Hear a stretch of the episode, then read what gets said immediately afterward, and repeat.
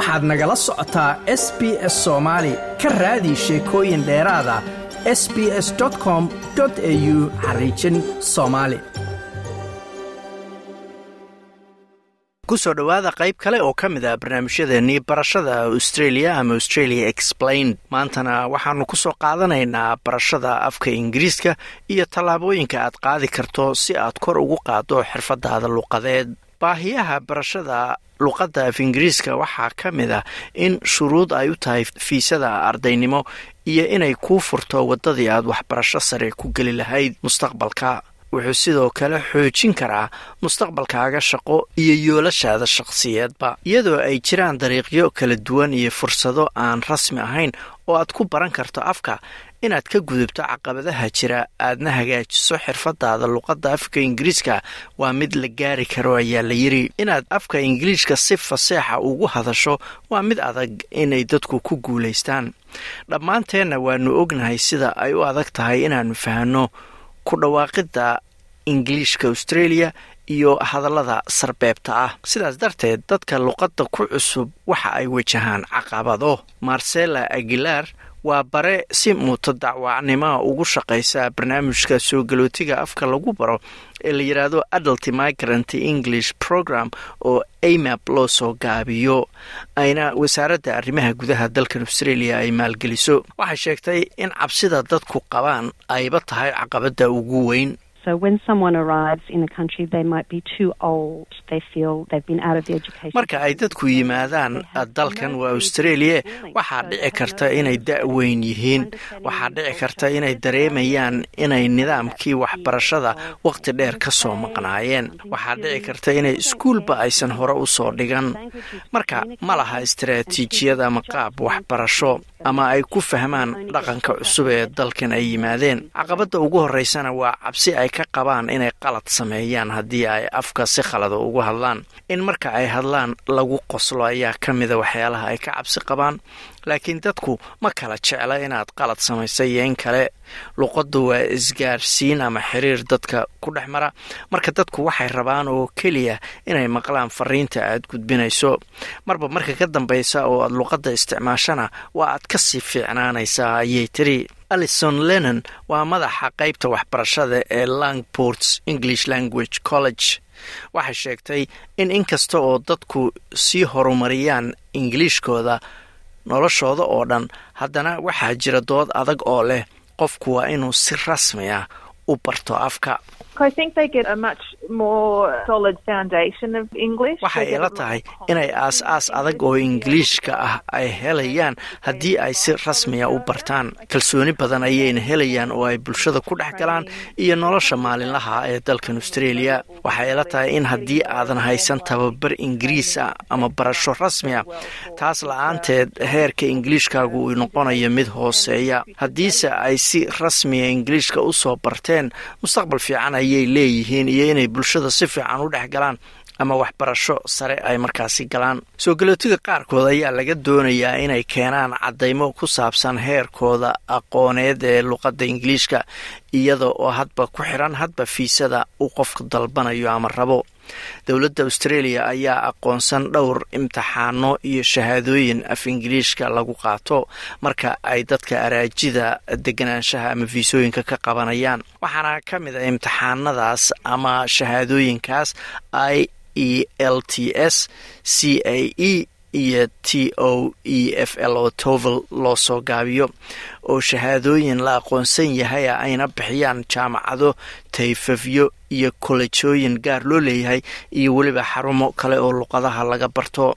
Waxay sheegtay in marka fursadaha laguu soo bandhigayo waa fursadaha luqadda lagu bartee ay qofka u caddahay waxa uu mustaqbalka doonayo inuu barto sidaasna uu ku kala doorto hadba kooraska uu qaadanayo once you've established why you want to study, how long you want to study, and how much your studies are going to cost, marka aad go'aansato waxa aad doonaysa inaad barato imise ayay kugu qaadanaysaa maxaa kaaga baxaya?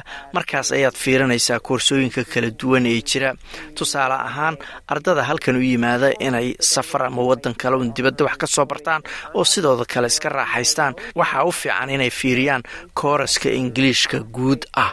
Ardadase qaar waxay rabaan inay ka qalinjibiyaan jaamacadaha dalkoodii.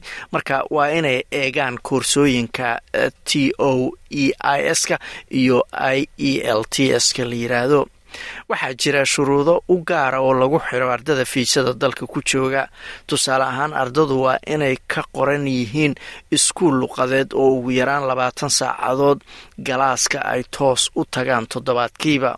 Iskuullada luqadaha qaarkood waxay bixiyaan barnaamijyo ardada ay ingiliishka ku baraan ka hor inta aysan waxbarasho sare aadin. Koorsooyinkana waxaa loogu talagalay inay ka caawiyaan inay ardayga u diyaariyaan imtixaanada af ingiliishka waa tan mar kale alison lennon.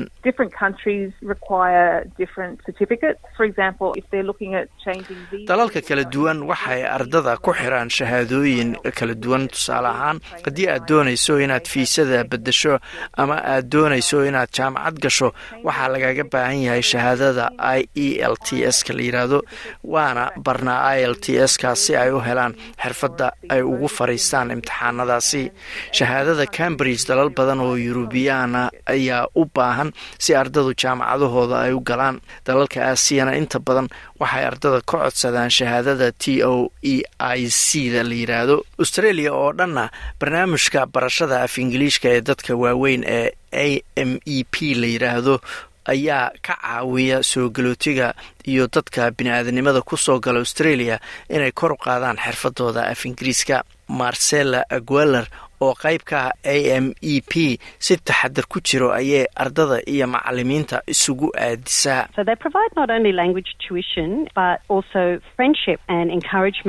Ma bixiyaan oo keliya barasho luqadeed ee waxay ardada u yihiin ama siiyaan saaxiibnimo. Waxay sidoo kale dhiiragelin u yihiin dadka go-doonka ama keligood nool. Waxay ka caawiyaan inay xiriir la yeeshaan bulshada inteeda kale. Marka hadduu jiro qof haddana dhegaysanayo oo isleh luqadda ma aqaan. Waan ka baqayaa inaan af ingiliishka ku hadlo marka aan dibadda u baxo. Adeegyana ma heli karo. Inuu qofkaasu helo macalin ka haqabtira baahiyahaas. Runtii waa mid nolosha qofka waxweyn ka bedelaysa ayay tiri. Waxaad dooran kartaa inaad qofka guriga kula kulanto ama maktabadda ama librariga ama meel babliga si aad u hesho taageero foolka foola. Sida ugu fiican ee aad ingiliishkaaga ku horumarin karto waa inaad dadka kula hadasho miss agleer ayaa bixinaysa saddexdan talo ee markaasi talooyinka ay bixiso ugu sarreeya daawo tviyada codka qoraalka ka dhiga. Barnaamijyada tviyada dhammaantood waxay leeyihiin qoraal hoose oo ku qormaya oo lamida kan qofku markaas uu ku hadlayo.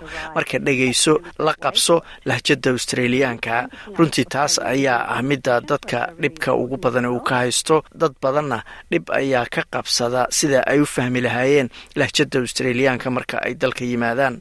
Marka inaad daawato qoraalada tvda waa mid aada u fiican oo aad ku baran karto hadallada sarbeebta ama waxa edmka la yidhaahdo iyo oraahyada af ingiliishka ee runtii aadka muhiimka u ah. Tan labaad ayay leedahay fiiri ab ababka badan ee lacag la'aanta ee ingiliishka laga barto. Ababkaasi ama abyadaasi waxaa ka mid ah aalado qiimo leh oo barashada af ingiliishka wax ku biirinaya. Waxaana ka mid a kuwaasi duolingo bitsboard os phonetics iyo book creator talada saddexaad ee miss agiler waa inaad dhegaysato bugaagta codka. Dhegaysiga bugaagta codku waa dariiq fiican oo aad ku horumarin karto xirfadaada luqadeed. Waxay maqlayaan sida loogu dhawaaqo ereyada waxay dhegaysanayaan garaamarka sida ereyada meelgalayaasha ah sida to at in for oo ay aada u adag tahay in la barto. Waxay sidoo kale baranayaan erayo cusub. Ka baaro macluumaadka online-ka oo lagu baran karo afka sida kuwa ay bixiyaan a b c da iyo s b s ku s b s len english wuxuu kaa caawinayaa inaad kor qaado af ingiliishkaaga adiga oo sidoo kale ku baranaya dhaqanka australia oo lagu soo bandhigaya videoyo qoraallo iyo weliba bodcast waa lagama maarmaan inaad mar walba ku jirin online-ka ee aad bulshada la kulanto lana hadasho. Talada ugu weyn ee miss mostred ay bixinayso waa inaadan isticmaalin meesha aad adigu keliga wax ka gadanayso ee check outka la yidhahda marka aad dukaamada waaweyn wax ka iibsanayso ee aad meesha qofku joogo oo aad ka gadato si aad hadallo yaryar ula yeelato. Talada ugu weyn ee miss mostred ay bixinayso waa inaadan isticmaalin meesha aad adigu keliga wax ka gadanayso ee uusan qofku joogin marka aad dukaamada waaweyn wax ka gadanayso ee meesha qofku ka shaqaynayo aad markaasi wax ka gadato